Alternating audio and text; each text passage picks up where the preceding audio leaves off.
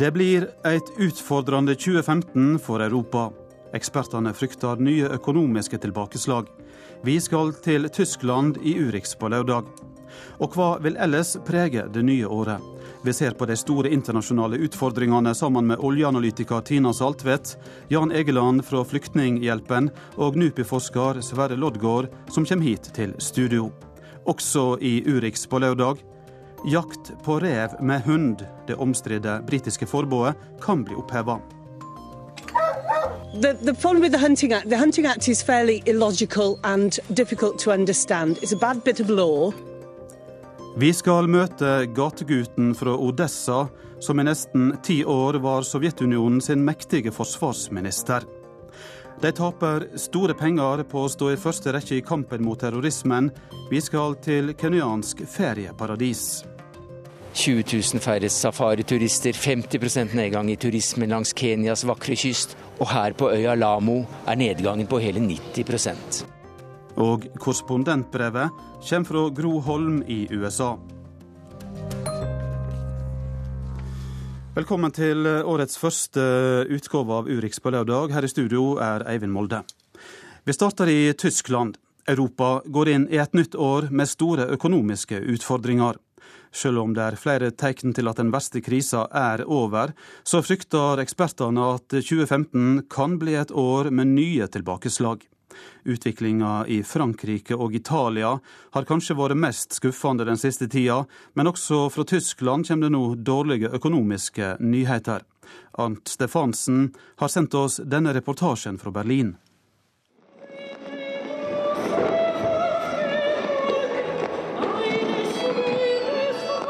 Rundt en million mennesker feirer nyttår ved Berlins berømte landemerke Brandenburger Tor.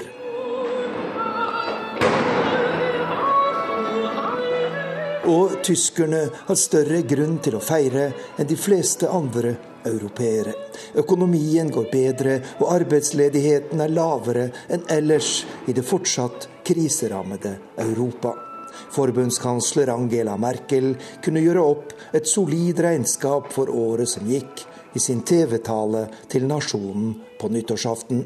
Wenn die Zahl der Menschen, die Arbeit haben, so hoch ist wie Oder wenn wir im kommenden Jahr das erste Mal seit 46 Jahren keine Tallet på mennesker som har en jobb å gå til, er høyere enn noen gang før i dette landet. Og samtidig har vi tyskere for første gang på 46 år vedtatt et budsjett som går i balanse uten at vi tar opp nye lån, sier forbundskansleren. Men det kansleren ikke nevner, er at utsiktene for 2015 gir grunn til bekymring, også for den tyske økonomien. Vi må vente en merkbart svakere utvikling, sier professor Michael Hyter ved Institutt for tysk økonomi. Deutschland fällt im Grunde von einem erwarteten 2%-Pfad für den Zuwachs des Bruttoinlandsprodukts zurück auf einen 1%. Tyskland faller nå tilbake fra en forventet vekst på 2% i 2015 til bare 1% Veksten blir altså bare halvparten så stor som ventet dette året, og i tillegg sier tyske bedriftsledere at de vil investere mindre i år enn i fjor, sier professoren. Når Tyskland nyser, blir Europa forkjølet, lyder et gammelt ordtak. Og det gjelder fortsatt. Utsikten her i Tyskland er dårlige nyheter for et kontinent som fortsatt sliter økonomisk. En tegnefilm på internett handler om den triste virkeligheten i eurosonens tredje største økonomi, Italia. Landet er nå i sin tredje resesjon, eller økonomiske nedgang, siden eurokrisa rammet for drøyt seks år siden. Og filmen viser en dessverre realistisk parodi på en scene fra et italiensk arbeidskontor. Jeg er 30 år gammel, jeg har en mastergrad i økonomi og har flere års arbeidserfaring, sier den arbeidssøkende, og nevner et beskjedent lønnskrav. Men han får beskjed om at lønna blir langt lavere, og at det står en kø av desperate søkere foran inngangsdøra. De eneste som har fått jobb her i det siste, er mine barn og andre slektninger, sier sjefen for arbeidskontoret. Europa ist noch weit entfernt von einer wirklichen Dynamik, die auch im Konzert der großen Europa er fortsatt langt unna et virkelig økonomisk oppsving, sier professor Michael Hyter ved Institutt for tysk økonomi. For tre år siden så vi klare tegn på at den verste krisa var over, og mange håpet da på en relativt rask bedring. Riktignok har sparepolitikken i land som Spania og Hellas gitt resultater, men samtidig sliter Italia og Frankrike tungt. Og det tynger økonomiene i hele Europa, sier han. Nå i romjula dukket det opp en ny utfordring for Europas kriserammede økonomier. De folkevalgte i Hellas greide ikke å bli enige om hvem som skal bli landets nye president, og dermed blir det nyvalg i slutten av januar. Det kan føre til at det venstreradikale Syriza kommer til makten, et parti som er motstander av den EU-styrte sparepolitikken i Hellas. Partiets leder Alexis Tsipras kommenterer situasjonen slik.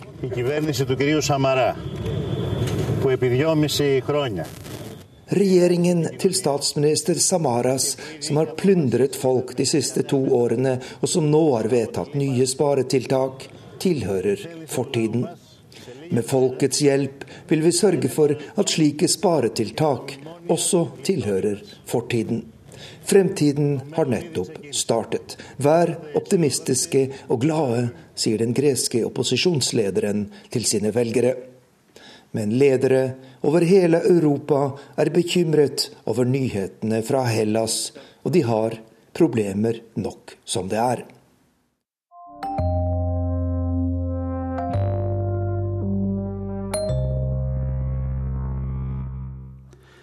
Nå til Storbritannia, der den omstridte jakta på rev med hund har vært forbudt i ti år. Men nå kan forbudet bli oppheva etter valget til våren, fordi mange politikere vil tekkes velgere på landsbygda.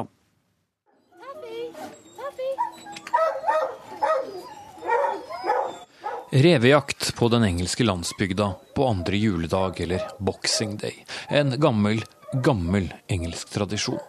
Men måten de gjør det på er moderne. Vel, det har vært moderne i noen år nå. For de jakter ikke en rev som hundene deretter river til døde på slutten, som i tidligere tider. Jegerne lar enten reven bare slippe unna, eller hundene ledes til et sted hvor det helte ut væske med en sterk reveodør. Ti år siden er det loven som forbyr jakt på rev med hunder, ble vedtatt. Men revejegerne er stadig ikke begeistret, og kan ikke få priset viktigheten av revejakt nok, slik som Stephen Asworth, som hadde hundekoble klart andre juledag. It's a traditional meet. Um, it's in the middle of Christmas time, and everybody enjoys to come out, and everybody has an opportunity then to come Pressgruppen Countryside Alliance har i ti år kjempet mot forbudet, og mener det er tøys. Det drepes jo likevel masse rev og andre dyr, så hva er forskjellen, spør Charlotte Cooper retorisk. Well, the, the problem with the Hunting Act, the Hunting Act is fairly illogical and difficult to understand. It's a bad bit of law. Um, just as many foxes and, and, other wild mammals are being killed now under the Hunting Act. People believe that the Hunting Act is put saving animals. It's not. Og tusenvis møtte opp på landsbygda for å støtte jegerne også denne julen. Men hvor stor er støtten til en opphevelse av forbudet? Do you think they should lift the ban on fox hunting? No. Why not? Because I think it's inhumane. Yeah. What about you? Very cruel.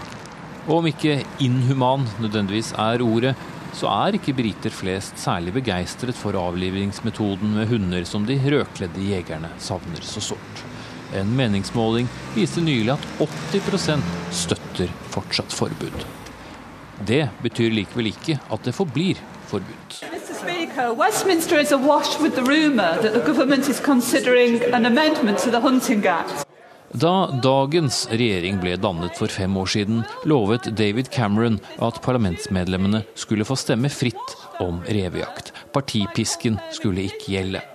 Avstemningen den skulle komme når det ble tid til det, het det. Men da noen etterlyste denne avstemningen tidligere i år, svarte David Cameron slik.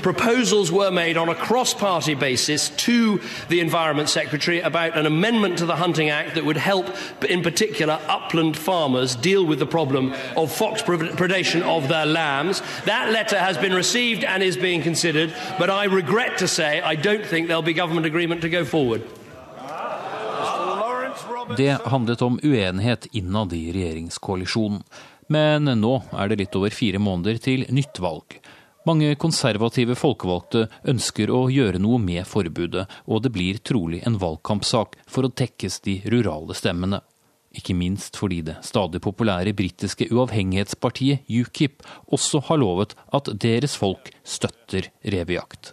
Leder Nigel Farage mener flertallet har tatt feil. Foxhunting vote was one of the most illiberal things uh, that we've seen really in modern Britain, where an, an ignorant majority, I say ignorant in a nice sense, not understanding the whole purpose of the minority, um, got their way. Andre juledag stilte han støttende opp da lokale jaktlag i West Kent samlet jegere og hunder, og han ønsket dem lykke til på ferden.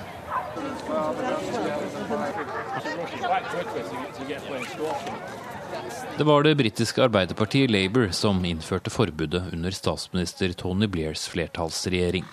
Men verken Labour eller noe annet parti får flertall alene i neste periode heller. Men en oppheving av loven som forbyr revejakt, kan like fullt få det.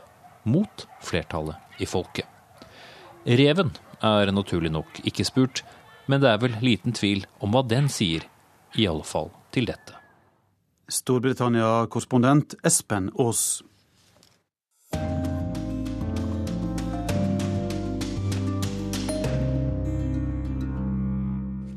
Han satt med handa på knappen som kunne utsletta Bodø som by, og han var livredd for at politikerne i 1962 kunne føre verden ut i en atomkrig pga. Cuba. Radion Malinowski var i nesten ti år Sovjetunionen sin mektige forsvarsminister, Gategutten fra Odessa ble til slutt en av verdens mektigste menn. Vår Moskva-korrespondent Morten Jentoft har møtt sønnen hans, Robert Malinovskij, og laga denne reportasjen for Urix på lørdag. Он, конечно, мало рассказывал, он, так сказать, не любил особенно i en leilighet på Leningradskij-prospektet litt nord i den russiske hovedstaden Moskva sitter 85 år gamle Robert Malinovskij og forteller om sin far, Rodion Malinovskij. Marsjal og forsvarsminister den gangen landet vi befinner oss i, het Sovjetunionen. Men dette er mer enn en ren biografi eller fortelling over en mann som nådde helt til topps i et land med mer enn 250 millioner innbyggere. Historien Historien som Robert forteller meg, handler om den dramatikk som menneskene i verdens største land har levd gjennom i det 20. århundre, og som fremdeles preger hendelsene i denne delen av Europa.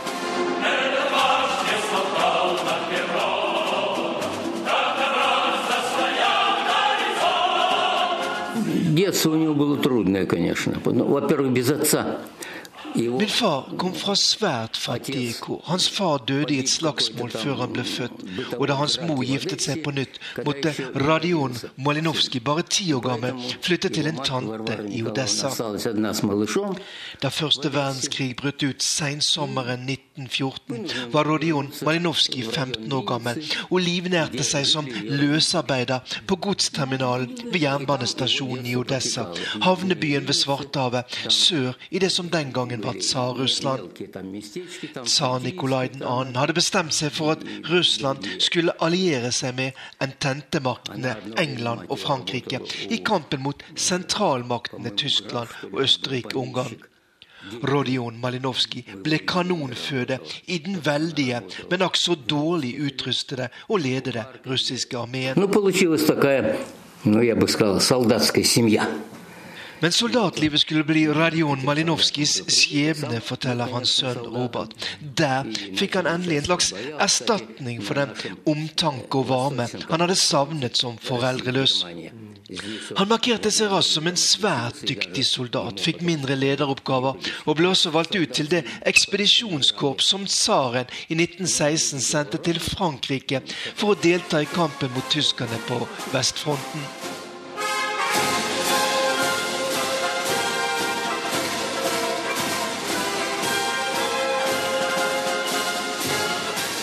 Med basiskunnskaper i fransk språk vendte Radion Malinovskij etter første verdenskrig tilbake til et Russland i kaos, der Lenins bolsjeviker slåss mot de hvite styrkene ledet av tsarens generaler. Som fattig gutt valgte han naturlig nok de røde side, og etter at de hvite måtte trekke seg tilbake i 1920, gjorde han rask karriere i det som nå ble det nye landet Sovjetunionens væpnede styrker. В то время это считались добровольцы. Da borgerkrigen i Spania brøt ut i 1936, ble Radion Malinovskij sendt dit som frivillig, forteller Robert Malinovskij og ler litt. Uttrykket 'frivillige russiske soldater' har igjen blitt aktuelt i forbindelse med konflikten i Ukraina. Og den gangen, i 1936, ble nok de sovjetiske offiserene mer eller mindre beordret til Spania for å støtte folkefrontregjeringen mot Francos fascister. Men dette var et lykketreff, mener Robert Malinowski. For året etter satte Sovjetunionens hersker Josef Stalin i gang en voldsom utrenskning blant offiserene i de væpnede styrkene. Но я лично, лично я думаю, что, конечно, ему просто повезло, что в эти Jeg tror at han var glad han var i Spania den gangen, sier Robert Malinovskij, og viser til at to av sjefene for det hviterussiske militærdistriktet, som faren den gangen tilhørte, ble arrestert og skutt i 1937. Det ble også opprettet en egen sak mot Rodion Malinovskij, men da han kom tilbake fra Spania i 1938, var det verste over, og han slapp unna med noen ubehagelige forhør, forteller sønnen Robert. Сегодня, в 4 часа утра, da den sovjetiske utenriksministeren Vjatsjeslav Molotov 22.6.1941 over Radio Moskva kunne fortelle at Hitler-Tyskland nå hadde angrepet sin tidligere forbundsfelle Sovjetunionen, var det god bruk for Radion Malinovskijs militære kunnskaper. Han ble raskt en av de ledende sovjetiske offiserene. Hans kanskje største bragd var da han i desember 1942 slo tilbake de tyske forsøkene på å unnsette den omringede tyske sjettearmé ved Stalingrad. Før krigen var omme, var den knapt 50 år gamle Radion Malinovskij maskalk av Sovjetunionen. Det som hadde startet ved at han snek seg på et tog med soldater på stasjonen i Odessa, hadde brakt ham helt inn i den innerste krets rundt Sovjetunionens hersker Josef Stalin og hans mest kjente generaler, blant dem Georgij Sjukov. Og da Nikita Khrusjtsjov overtok makten etter Stalins død i 1953, tok Radion Malinovskij steget helt inn i maktens sentrum som generalstabssjef under nettopp den store krigshelten Sjukov. Хрущев с ним какое-то время Конечно, сразу почувствовал, что Жуков очень волевой человек, очень решительный. Da Nikita Khrusjtsjov i 1957 valgte å fjerne den ambisiøse og svært populære Georgij Sjukov som forsvarsminister, ble Radion Malinovskij sjef for det som den gangen var verdens største krigsmaskin. Hans sønn Robert forteller at faren sa at han egentlig ikke hadde så veldig lyst på denne jobben, men når det kom et vedtak fra sentralkomiteen i kommunistpartiet, så var det bare å adlyde. И в это время были сообщения, что вот летит какой-то американский разведчик, и там Kjent er episoden da Radion Malinovskij som forsvarsminister midt under 1. mai-paraden på Den røde plass forteller Khrusjtsjov at et amerikansk spionfly er skutt ned bak Ural. U-2-flyet med piloten Gary Powers ved spakene var på vei fra Pakistan til Bodø i Norge. Nå var Khrusjtsjov virkelig på krigsstien. Весь мир знает, что самая империалистическая держава – это Соединенные Штаты Америки. Nikita Khrusjtsjov tornet mot det imperialistiske USA, og et planlagt toppmøte med president Dwight Eisenhower brøt sammen før det egentlig hadde begynt.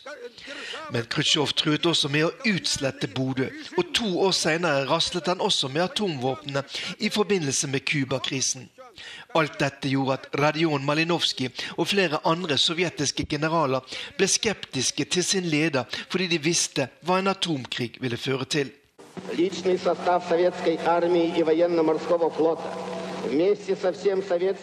Dette er et sjeldent lydopptak av forsvarsminister Radion Malinovskij mens han taler i forbindelse med et møte i Moskva rundt 1960. Den ukrainske fattiggutten var da på toppen av sin karriere, og han overlevde også Nikita Khrusjtsjovs fall i oktober 1964. Da han døde etter et kort sykeleie i mars 1967, var han fremdeles sjef for det sovjetiske forsvaret.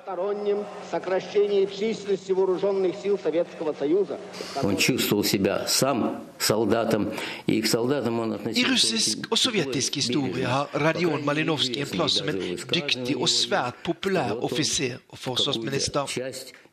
Han følte seg selv alltid som soldat, sier sønnen Robert, mens han viser meg bilder fra farens karriere. Den for lengst pensjonerte metallingeniøren har skrevet et hefte om farens liv. Et lite innblikk i vår nære og dramatiske historie.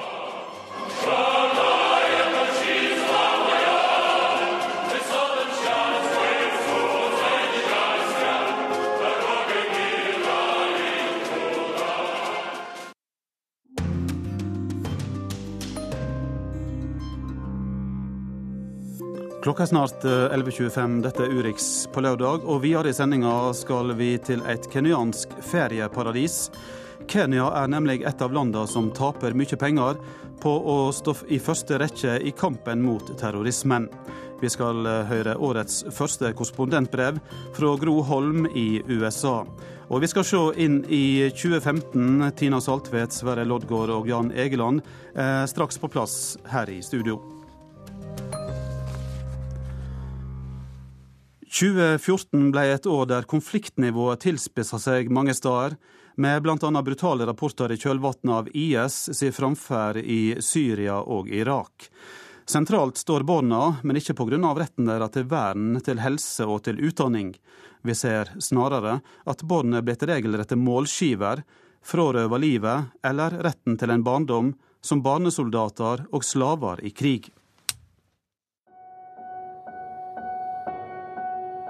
Also honored to receive this award together with Kailash Satyarthi, who has been a champion for children's rights for a long time. En ung pakistaner og en eldre inder på podiet i Oslo rådhus. Begge har de smertefullt kjent på kroppen hva det koster å kjempe for barns rettigheter i vår tid. En epoke hvor barns rolle i krig og konflikt har tatt en brutal vending. It has been another relentless day for the medics here as casualties continue to pour in. Tragically, many of those are. Gaza, Syria, Irak, Den sentralafrikanske republikk. 2014 ble et blodig år. I over 20 land lever barn i dag i krig. Innestengt i beleirede områder, utsatt for tunge skyts. Neymar is just two and a half years old. She was caught in a missile attack from an F 16. She has a broken nose and a fractured skull. She hasn't spoken a word. She is in deep shock. Tilfeldige ofre i enkelte konflikter. Men nå er barna også konkrete målskiver.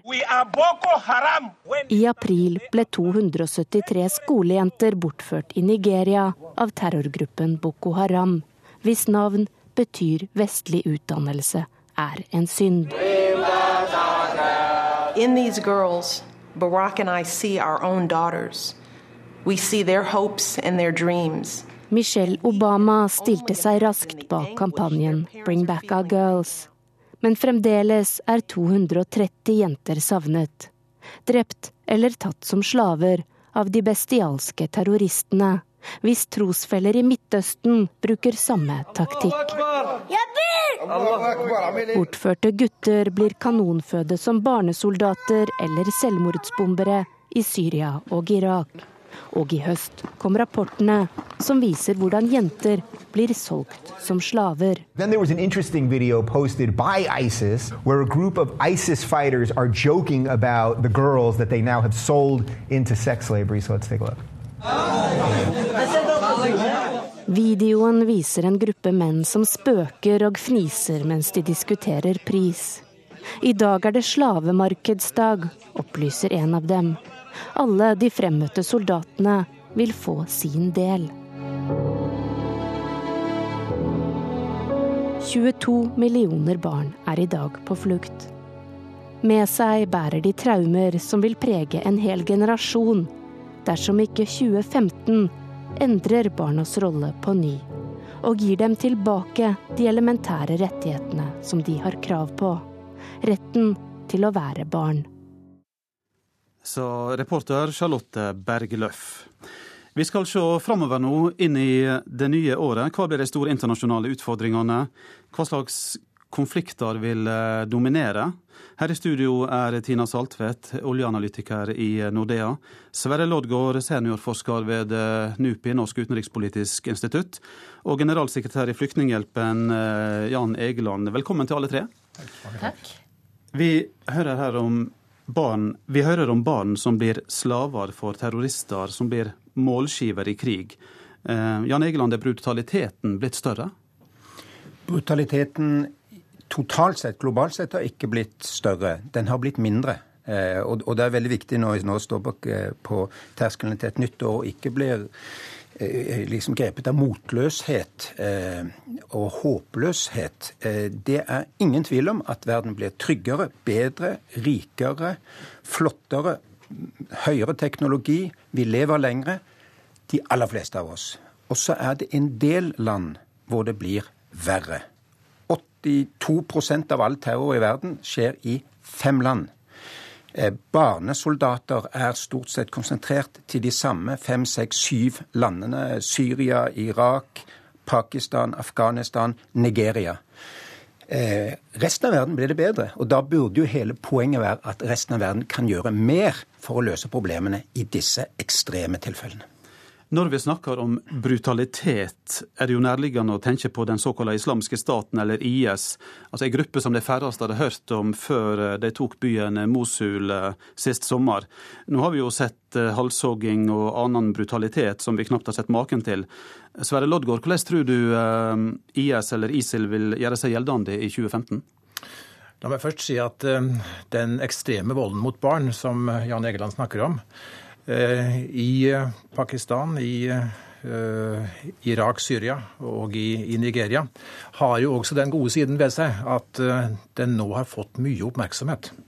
Og dermed så mobiliseres også motkreftene. Og forhåpentligvis så vil vi se mer resolutt handling for å, for å dempe denne ekstreme volden mot barn. Men til, til IS. Det er ikke alle piler som peker oppover for IS. Pengestrømmen til IS strupes. Eh, tunge våpen som de har tatt fra den irakiske hæren, eh, ødelegges litt etter litt.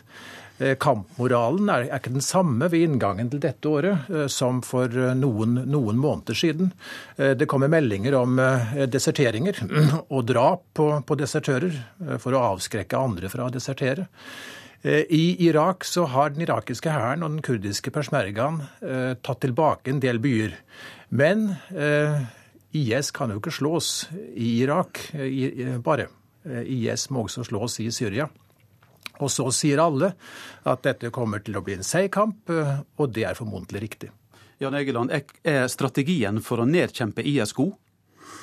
Strategien for å nedkjempe IS er altfor mye knyttet til militære midler og såkalt antiterrormidler. Og jeg tror òg vi har i 2014 overdrevet den globale betydningen av IS. Altså Det norske folk har vært redd for IS stort sett hele 2014 pga. at journalister, PST, terrorforskere har gjort det til nærmest et stort problem for nordmennene. Vi, Flyktninghjelpen, har hundrevis av ansatte i IS-området, altså i Irak, i Syria og andre steder. Det er et kjempeproblem det er også Assad-regimet, og Assad-regimet dreper fortsatt flere sivile, vil jeg tro. enn en IS. Så, så det er ikke det dominerende problemet. Det er ett av mange problemer i dette området og i verden. Eh, IS finansierer jo en stor del av virksomheten sin gjennom eh, salg av olje. Eh, Tina Saltvedt, hvordan påvirker dette økonomien i området? Jo, Det er helt klart at det store fallet i oljeprisen det kan jo bidra til å stramme inn på tilgangen til uh, ny finansiering for nettopp IS. For det er ikke tvil om at noen av de viktigste målene som de har hatt uh, i både Irak og Syria, er uh, oljeinstallasjoner, oljeraffinerier. Det er jo en stor inntektskilde. De har solgt olje på det svarte markedet og fått store inntekter av det, som de har kunnet støtte til, til terrorhandlingene. Slik at med et kraftig fall i oljeprisen, så vil det også da snevre inn på tilgangen tilgangen til ny kapital, ny finansiering, i tillegg til at selvfølgelig en del av styrkene har hatt fremgang, altså i motstanden mot IS. Hvis vi ser på det som skjer der nå med IS, eh, men også hvis vi kanskje involverer Iran og ser på situasjonen der, hvordan ser du for deg at eh, verdensøkonomien kan bli påvirka av utviklinga i dette området? Hvor viktig er det? Det er klart at Hvis dette skulle spre seg, altså går andre veien, at man ikke klarer å stoppe opp for IS, så er det en stor trussel for eh, nettopp oljeproduksjonen i disse landene. Spesielt var man jo stor, veldig bekymret for eh, nettopp fremmarsjen i, fra IS i Irak. Eh, hvis de trekker nedover i Irak, altså mot de sørlige deler hvor 80% av oljeproduksjonen i Irak foregår, så har det en kjempestor betydning for eh, oljeproduksjonen i verden. Altså dette er jo den sentrale delen av verden hvor det produseres olje, eksporteres olje. slik at hvis de skulle få fremgang og få større kontroll over det, så vil det ha store følger for, for nettopp oljeprisen og tilgangen på verdens viktigste energikilde. Vi skal over til å snakke litt om konflikten mellom eh, Russland eh, og, eller konflikten i Øst-Ukraina og forholdet til Russland. Sverre Loddgaard, blir denne konflikten langvarig? Krim er jo en eh, del av Russland, og det er irreversibelt. I Øst-Ukraina så har kamphandlingene vært av og på, litt fram og tilbake, langs en slags demarkasjonslinje der. Eh, det ser for meg ut til at dette er brut. Det er litt som i sjakkens verden. Eh, når man flytter de samme brikkene et visst antall ganger frem og tilbake, eh, så blir det til slutt remis. Men den politiske forsoningen i Ukraina, det er en lang og og vanskelig prosess. Og Her ligger det et stort ansvar naturligvis på russerne, på Putin. Den vestlige verden peker på ham. Eh, men eh, i en konflikt eh, er det alltid minst to parter. Og det er et stort ansvar som hviler også på regjeringen i Kiev, som har skutt på sine landsmenn i øst, som trekker tilbake velferdsordninger som gjelder for resten av, av, landet, som kaller menneskene i øst for terrorister og banditter. I beste fall så er dette en veldig langvarig prosess, forsoningsprosessen, og da snakker vi altså ikke om år, men om tiår. Vestlige land straffer jo Russland for den rollen de har i denne konflikten gjennom sanksjoner. Er det en farbar vei, Jan Egeland, eller bør diplomatiet få større plass? Det, det må nok være en kombinasjon med, med eh, kjepp og gulrot i der som alle andre steder. Det paradoksale er jo at Russland framtrer ulikt i ulike deler av verden. Så nordmennene i nord eh, har jo følt at eh, Russland har vært en god nabo i lang tid. Vi har fått en, delavtale med, med, med, Russland, noe som egentlig burde feires mer etter altså Det var tredje generasjonen nærmest norske diplomater hadde holdt på med den delingen, og så fikk vi en, en avtale i Barentshavet. Andre steder opplever man Russland som en, en, en dominerende makt, en brutal makt. I Ukraina er det nå hundretusener av hjemløse, flyktninger, fordrevne, både i Ukraina og over grensen i, i Russland, og de er i ferd med å bli glemt. Eh, Tina Saltvedt, eh, hva kan bli effekten av sanksjonene dersom eh, det blir mer av det i 2015 og videre utover? Jo, det er klart at uh, altså For det første så ser vi jo en stor nedtur i den russiske økonomien. Sanksjonene har, eh, har jo hatt en stor påvirkning på tilgangen til kapital i Russland, slik at investeringen, altså veksten i Russland, hemmes jo mye. Og nå venter vi jo et fall i veksten i Russland kanskje på en 3-4% som er eh, forholdsvis mye.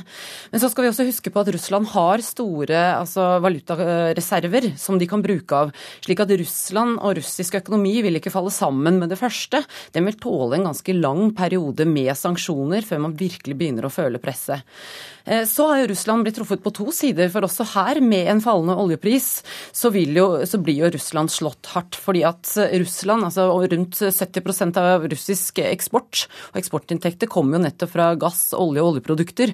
Slik at de, de rammes nå på to fronter, både av sanksjoner og en lavere oljepris, som gjør at Russland vil nok få større problemer etter hvert. Og vi ser at den russiske befolkningen, en ting de frykter er, frykter er jo nettopp at, at dette inflasjonsspøkelset igjen skal begynne å, å treffe de. Eh, det er jo en fare for at russerne vil begynne å, å igjen bytte inn rubelen mot andre typer valutaer. Eh, de har jo vært igjennom dette før, og den type uro eh, den preger nå Russland og russisk befolkning. Vi hører igjennom uro i europeisk økonomi. Blir det ny finanskrise i 2015? Jeg tror ikke det. Eh, jeg tror vi klarer oss igjennom. Det er en del, eh, en del eh, land som sliter, bl.a. har vi jo Hellas, som er en stor utfordring. Jeg tror at vi er bedre rustet nå enn vi var under finanskrisen. Altså Den europeiske sentralbanken vil stå på tå hev for å forhindre at vi får større utfordringer bl.a. mot eurosamarbeidet. Det er nok også litt begrenset hva det, altså en ny gresk regjering kan gjøre på kort sikt. fordi at de må jo også ha tilgang. De har jo vært sterkt negative mot de reformene som, som, landet har vært eh, nødt til å gjennomføre. De ønsker å skape raskere vekst, men eh, de er jo også sterkt avhengige av lånegiverne her. Så jeg tror at vi kommer klare å, altså at man klarer å forhandle seg ut av det, for jeg tror det er litt begrenset på kort sikt hva faktisk Hellas kan gjøre. Det andre er jo Kina, eh, som vi er bekymret for. Nå, altså Etter finanskrisen så er det jo nettopp Kina som har vært en av de store driverne. Det er der vi venter at en stor del av veksten vil komme fra. Så ser vi at de slakker farten. Men fremdeles så er det stor utfordring på, i det kinesiske kredittmarkedet. Og skulle det sprekke en boble der, så vil det ha stor, stor betydning for, for, verdensøkonomien. Men vi tror fremdeles at det er en, en kontrollert nedgang i veksten vi ser. Du ga et stikkord til neste spørsmål, for det går til Sverre Loddgaard, og stikkordet var Kina. Hvor viktig eh, blir Kina framover? Alle vet at makta forskyver seg østover, eh, men det er få som greier å ta inn over seg hvor raskt det går. Eh, I realiteten så er vi i ferd med å få en forandring i den internasjonale orden, i og med at Kina, i spissen for BRICS-landene, Eh, etablerer eh, sin egen utviklingsbank eh, og sin egen finansielle reserve som, som motvekt til Verdensbanken og, og IMF. Med en startkapital på 100 milliarder dollar i begge tilfeller. Det er vel knapt en tredjedel av det som ligger til grunn for Verdensbanken og, og, og IMF. Og så, i fjor høst, så hørte vi Xi Jinping si på et asiatisk toppmøte at nå vil Kina eh, investere 40 milliarder dollar i vei og bane vestover langs Silkeveien. Altså langs den veien som forbandt Europa og Kina eh, fra det sjuende til det, til det tiende eh, århundre. Eh, romerne sa 'alle veier fører til Rom', og nå begynner avisen å skrive om at alle veier eh, fører til, fører til Kina. Det er store ting eh, som, som, skjer i øst. Så kan naturligvis ting inntreffe, som Tina Saltvedt var, var inne på. Men formodentlig, som du sa, så er den kinesiske veksten et spørsmål om en fortsatt høy, kontrollert vekst. Kina er jo også avgjørende for å få på plass en internasjonal klimaavtale. og Det er jo ambisjonen at det skal skje på slutten av dette året i Paris. Jan Egeland, blir det en avtale, tror du? Jeg håper virkelig det. Og det, altså det, etter mitt skjønn er det den største saken i år, er klimaforhandlingene i Paris. Det er også den største trusselen. Det er ikke internasjonal terror som er den største trusselen vi har utsatt for. Det er klimaendringene som er den største trusselen. Eh, det er nå eh, titalls millioner som fordrives av naturkatastrofer hvert eneste år. Mange flere enn det, det som fordrives av all krig, terror eh, og vold i verden til sammen. Eh, det er den dominerende generasjonsutfordringen vår. Og da er det jo veldig positivt at vi fikk en bilateral avtale mellom Kina og USA, og det kan borge for at det går raskere, ikke, ikke, bare i de globale forhandlingene, men også i regionale og bilaterale forhandlinger, for det haster. Fattige land håper jo eh, selvsagt på økonomisk vekst. Kan de få det, og samtidig ta omsyn til klimaet, Saltvedt? Ja, det tror jeg så definitivt. Eh, jeg syns ikke egentlig det er noe spørsmål lenger om, eh, om altså det å ta hensyn til klima kan true veksten. Jeg mener at det er det helt motsatte. Helt vesentlig at vi faktisk får en klimaavtale og at vi tar hensyn til klima for å kunne skape vekst fremover. På kort sikt så tror jeg nok kanskje at det kan være greit, altså at vestlige land eller eh, rike land må hjelpe i gang Eh, altså da fattigere land for å få i gang nye systemer. Altså Tilgangen til energi er vesentlig for å kunne bygge opp et land. Tilgang til energi for å skape elektrisitet f.eks. Og da kunne satse på rene kilder. Eh, det tror jeg er ytterst viktig for å da kunne skape vekst også på, på lengre sikt. Så jeg mener at det er helt vesentlig for å kunne skape langsiktig og god, stabil vekst. Da vil vi vite det på slutten av dette året, hva slags avtale, om det blir en avtale, og hva slags avtale det blir eh, i Paris. Da vil jeg si tusen takk for at dere kom til eh, Urix eh, studio, og så får vi vel si godt nytt år. Godt nyttår. Godt nyttår.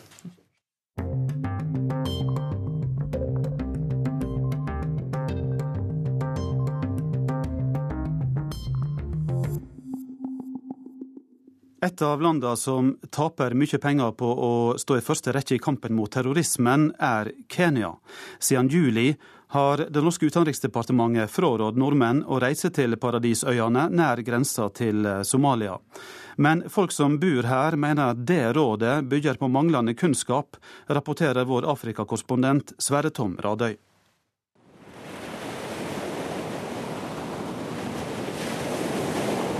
Dovne dønninger mot kritthvit korallsand. Tolv kilometer med en av verdens beste strender, ifølge tidsskrifter som kårer den slags. 28 grader, krystallklart salt og asurblått hav. Og ikke en kjeft å se, bortsett fra denne yogadama der borte. Hun hilser sola. Det ser riktig vondt ut. Helikopteret kommer lavt inn fra sanddynene innenfor og ødelegger denne idyllen som også Hemingway beskrev i lyriske vendinger. Er det en Mick Jagger, Sting, en Rossellini? Antagelig ingen av dem. Øya har nettopp fått opphevet portforbudet. Helikopteret lander utenfor Peponi, et av de få stedene som faktisk har turister boende nå, og med øyas beste mangrovekrabbe i ingefær og chili. Det er en norsk milliardær, får jeg vite av en som har sett helikopteret før. I så fall så er det en av de få i skuffen med Rich and Famous som trosser reiserådene fra utenriksdepartementene rundt om. For Lamo fylke grenser til Somalia, og da de voldelige islamistene i Al Shabaab drepte to britiske badeturister på fastlandet i 2011, gikk det kenyanske militær etter dem. I dag kjemper 22 000 soldater fra Øst-Afrika mot Al Shabaab. Selv om det er høyst usikkert hvor mye av faenskapet langs kysten som somaliske terrorister egentlig står bak. Krangelen om land er intens. En guvernør er siktet for drap. Få mil herfra bygges nemlig Øst-Afrikas største havn, og rørledninger skal herfra helt til oljefeltene i Sør-Sudan, hvis og dersom. Uansett betaler Kenya en høy pris for jakten på Al Shabaab. 20 000 færre safariturister, 50% nedgang i turismen langs Kenyas vakre kyst, og her på øya Lamo er nedgangen på hele 90% Ja, My name is uh, uh, Brigetti. Giovanna. Mm, we are uh, practically we have been working in Lamo, having a, a, a club, a very exclusive club. Yeah, no, in fact we close. Vi måtte stenge, sier Gianna. Flott og italiensk med langt grått hår. Hun og mannen Bruno var blant de første som åpnet et eksklusivt sted for rike og berømte på øya. Det var på 70-tallet. Nå er det slutt. No, yeah, yeah. Okay, find, you know. The only place open here, and it was really exclusive. And I was coming, becoming old as well. So. Bruno Brichetti, italiensk pop-idol på 50- og 60-tallet, og mannen bak melodier som mange kjenner fra Chet Baker og Joe Gilbertos repertoar. Nå sitter han eldet i hawaiiskjorte med pistrete hår og konstaterer at tidene har forandret seg.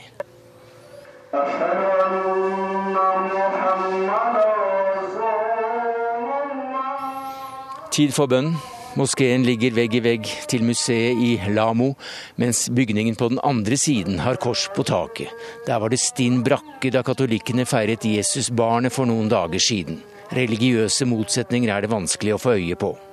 Yeah, even that totally when they come, they interact with the people around, and they, they feel secure uh, rather than going to to have uh, police surrounding their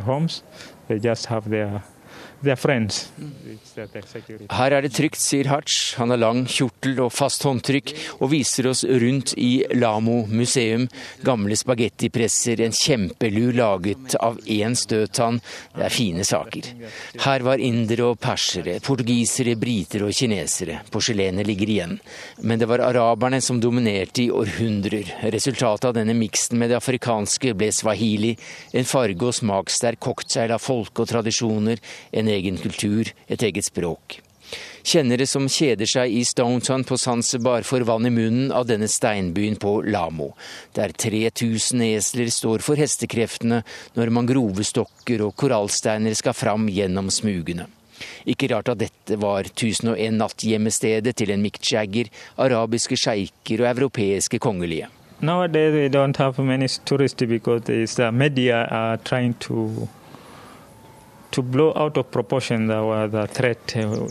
det er mediene og uvitenhet i ambassadene som har drevet turistene bort, sier Hatch. Grusomhetene har rammet fastlandet, ja vel, men her på øya holder folk sammen, og naboene er de beste garantister for at ingen terrorister tør ta turister her.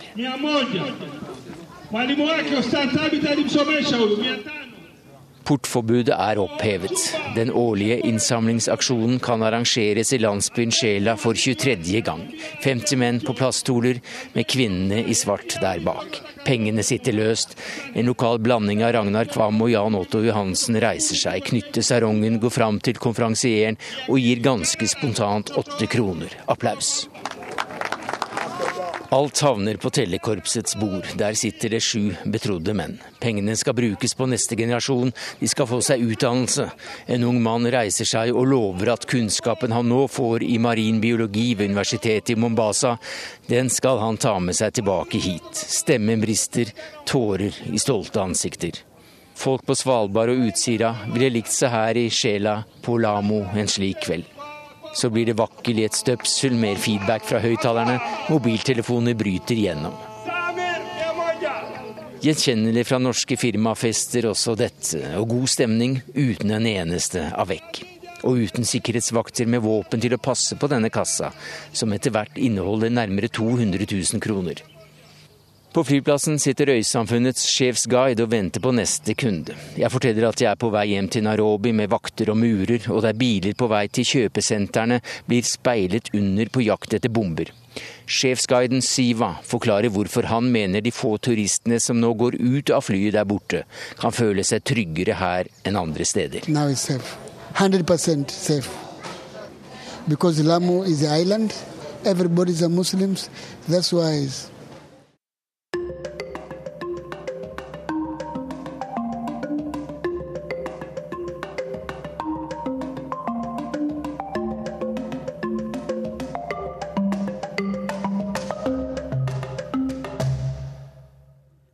I dag er det nøyaktig 54 år siden USA brøt den diplomatiske kontakten med Fidel Castros Cuba. Like før jul varsla president Barack Obama at kontakten skal takkes opp igjen. I brevet fra korrespondent Gro Holm i USA handler det om hva den nye politikken kan føre til, og har ført til. Da den cubanske spionen Gerardo Hernandez gikk ned flytrappa i Havanna like før julaften, ble han møtt av president Raúl Castro og sin høygravide kone Adriana Perez.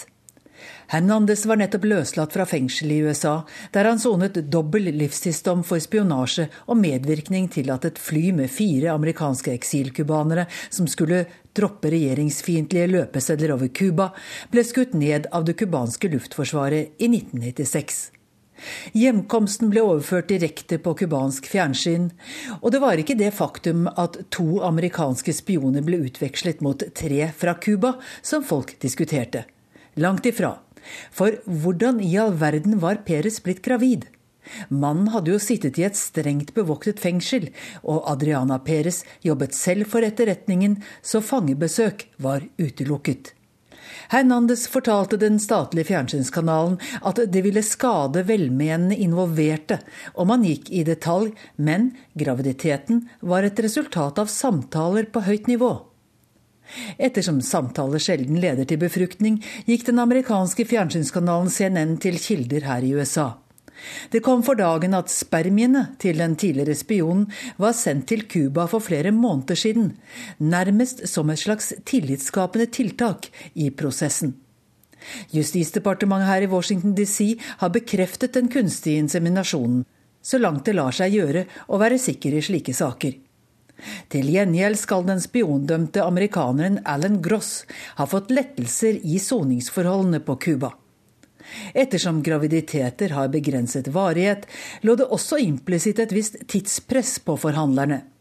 De burde være i mål før fødselen og alle de spørsmålene det ville innebære. Ingen andre nasjoner støtter oss i sanksjonspolitikken, og verken det amerikanske eller det cubanske folket er tjent med en politikk som har røtter i begivenheter som fant sted før de fleste av oss var født, sa president Obama i talen 17.12. om normaliseringen av forholdet til Cuba. Han føyde til at de siste 50 årene har vist at isolasjon ikke virker, vel vitende om at han ikke kommer til å få Kongressens støtte til å oppheve blokaden av Cuba. Men her, som i flere andre saker, kommer han til å tøye strikken så langt det går uten støtte fra de folkevalgte. Tolv utvalgte grupper reisende, inkludert folk med familie på Cuba, journalister, forskere og kulturarbeidere, trenger ikke lenger å søke om lisens for å dra. I dag kan det f.eks. ta flere måneder for oss journalister å få en slik lisens. Beløpet som slektninger kan sende til familie på Cuba blir firedoblet, og amerikanere som besøker Cuba kan ta med seg varer for 400 dollar, eller omtrent 3000 kroner tilbake til USA. For Cuba er det nok viktigere at Obama har gitt beskjed om at Utenriksdepartementet skal vurdere å fjerne landet fra lista over land som finansierer terrorisme. Det vil bl.a. åpne for lån fra Verdensbanken og flere internasjonale låneinstitusjoner. Dessuten kommer Obama-administrasjonen til å åpne for eksport av en rekke varer som nå er forbudt, innen bygg og anlegg, landbruk og telekommunikasjon. Det skal bli enklere å gjennomføre finanstransaksjoner i dollar, og amerikanske institusjoner skal kunne opprette direkte forbindelser med Cuba. Bestemmelsen om at utenlandske skip som har anløpt Cuba må holde seg unna amerikansk farvann i seks måneder, blir også fjernet dersom handelen med Cuba kan klassifiseres som humanitær. Reisebyråer som har lisens for å arrangere gruppeturer til Cuba, blir nå nedrent av amerikanere som vil besøke landet, før det blir som alle andre i Mellom-Amerika, med moderne biler og internasjonale kjedebutikker. Flere operatører har flerdoblet antall turer på programmet for 2015. Men det er fortsatt ikke åpent for vanlige turister fra USA. For dem som vil kjøpe seg all inclusive, alt inkludert, på en av Cubas vakre strandhoteller, reise i Che Guevaras revolusjonære fotofar, eller bare sykle øya rundt, som jeg selv gjorde for noen år siden. Om du derimot kan ikle turen det minste skinn av humanitært oppdrag, jeg pleier å kalle det såpestykketurisme, ja, da får du lov å dra som en del av en gruppe, og heretter blir det altså enda enklere. På den annen side, det er ikke alle besøk som er like velkomne på cubansk side. Det tar lang tid og er en omstendelig prosess for utenlandske journalister å få visum. Dessuten finnes det eksempler på at USA har kamuflert spionasje og påvirkningsoppdrag som kulturprosjekter og turisme. Alan Gross, amerikaneren som ble utlevert fra Cuba nå i desember, reiste som turist, men smuglet egentlig kommunikasjonsutstyr finansiert av USAID, som er regjeringens bistandsorganisasjon. USA har også flere ganger anvendt ikke-amerikanere som har jobbet på kontrakt for USAID eller andre institusjoner. Like før Obamas oppsiktsvekkende tale ble det kjent at en serbisk kulturarbeider for noen år siden ble leid inn for å påvirke det cubanske hiphop-miljøet i regimekritisk retning. Formelt ble Rajko Bosic hyret av en amerikansk institusjon kalt Creative Associates, eller Kreative Partnere, for å hjelpe til å arrangere en musikkfestival med regimekritisk innhold. Serberen så seg ut en populær hiphop-gruppe, Los Aldeanos, som han tilbød å lage et fjernsynsprogram med. Programmet skulle så distribueres på DVD-er utenfor offisielle kanaler, en velkjent og effektiv metode for å omgå sensuren i land med autoritære regimer. Pengene kom fra USAID via et stråselskap i Panama og en bank i Liechtenstein, ifølge nyhetsbyrået Associated Press. Hiphopgruppa Los Aldianos langet så ut mot den cubanske regjeringen på en konsert i 2010. Men cubanerne fattet mistanke, og det endte med at gruppa flyktet til Florida. Det er uklart om de skjønte underveis hvilket spill de var en del av.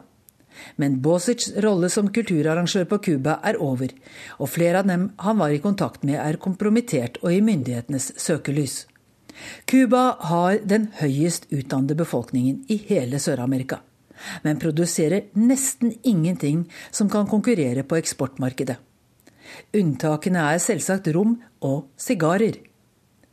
Jeg har en cubansk nabo som tar inn posten når jeg er bortreist. Til gjengjeld har han bare ett ønske, at jeg tar med meg en ekte cubansk Cohiba-sigar neste gang jeg er hjemme om i Norge eller eventuelt besøker Cuba. Cohibaen var egentlig et privat merke, produsert for første gang i 1966 og levert eksklusivt til Fidel Castro og høytstående cubanske tjenestemenn. Bare den fineste tobakken ble brukt, og en ekstra tredje omgang med gjæring sikret en mykere smak enn på andre sigarer. Så ettertraktet ble denne sigaren at tobakksfrø ble smuglet ut til Den dominikanske republikk, som startet sin egen Cohiba-produksjon. I 1978 sørget den USA-eide sigarprodusenten General Cigar Company for å registrere Cohiba-navnet for salg på det amerikanske markedet, der det jo fortsatt er forbudt å selge sigarer fra Cuba.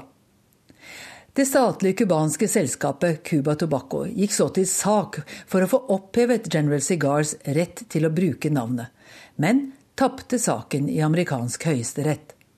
Før jul stakk jeg innom Georgetown Tobacco for å ta en sigar og hamstre litt til jul.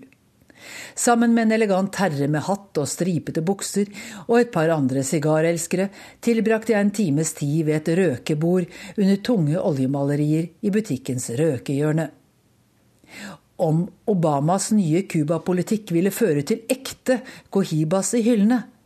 Nei, det trodde ikke innehaveren kom til å skje raskt. For ikke kom Kongressen til å gå med på kommersiell import fra Cuba, og om så skjedde, så ville USAs egen produsent av Cohiba og andre cubanskklingende merker sette alt inn på å beskytte seg mot cubansk konkurranse selv om det altså var Fidel Castros røykevaner som gjorde at sigaren ble satt i produksjon og ble verdenskjent. Som salige Fred Åkerstrøm sang, sådan er kapitalismen.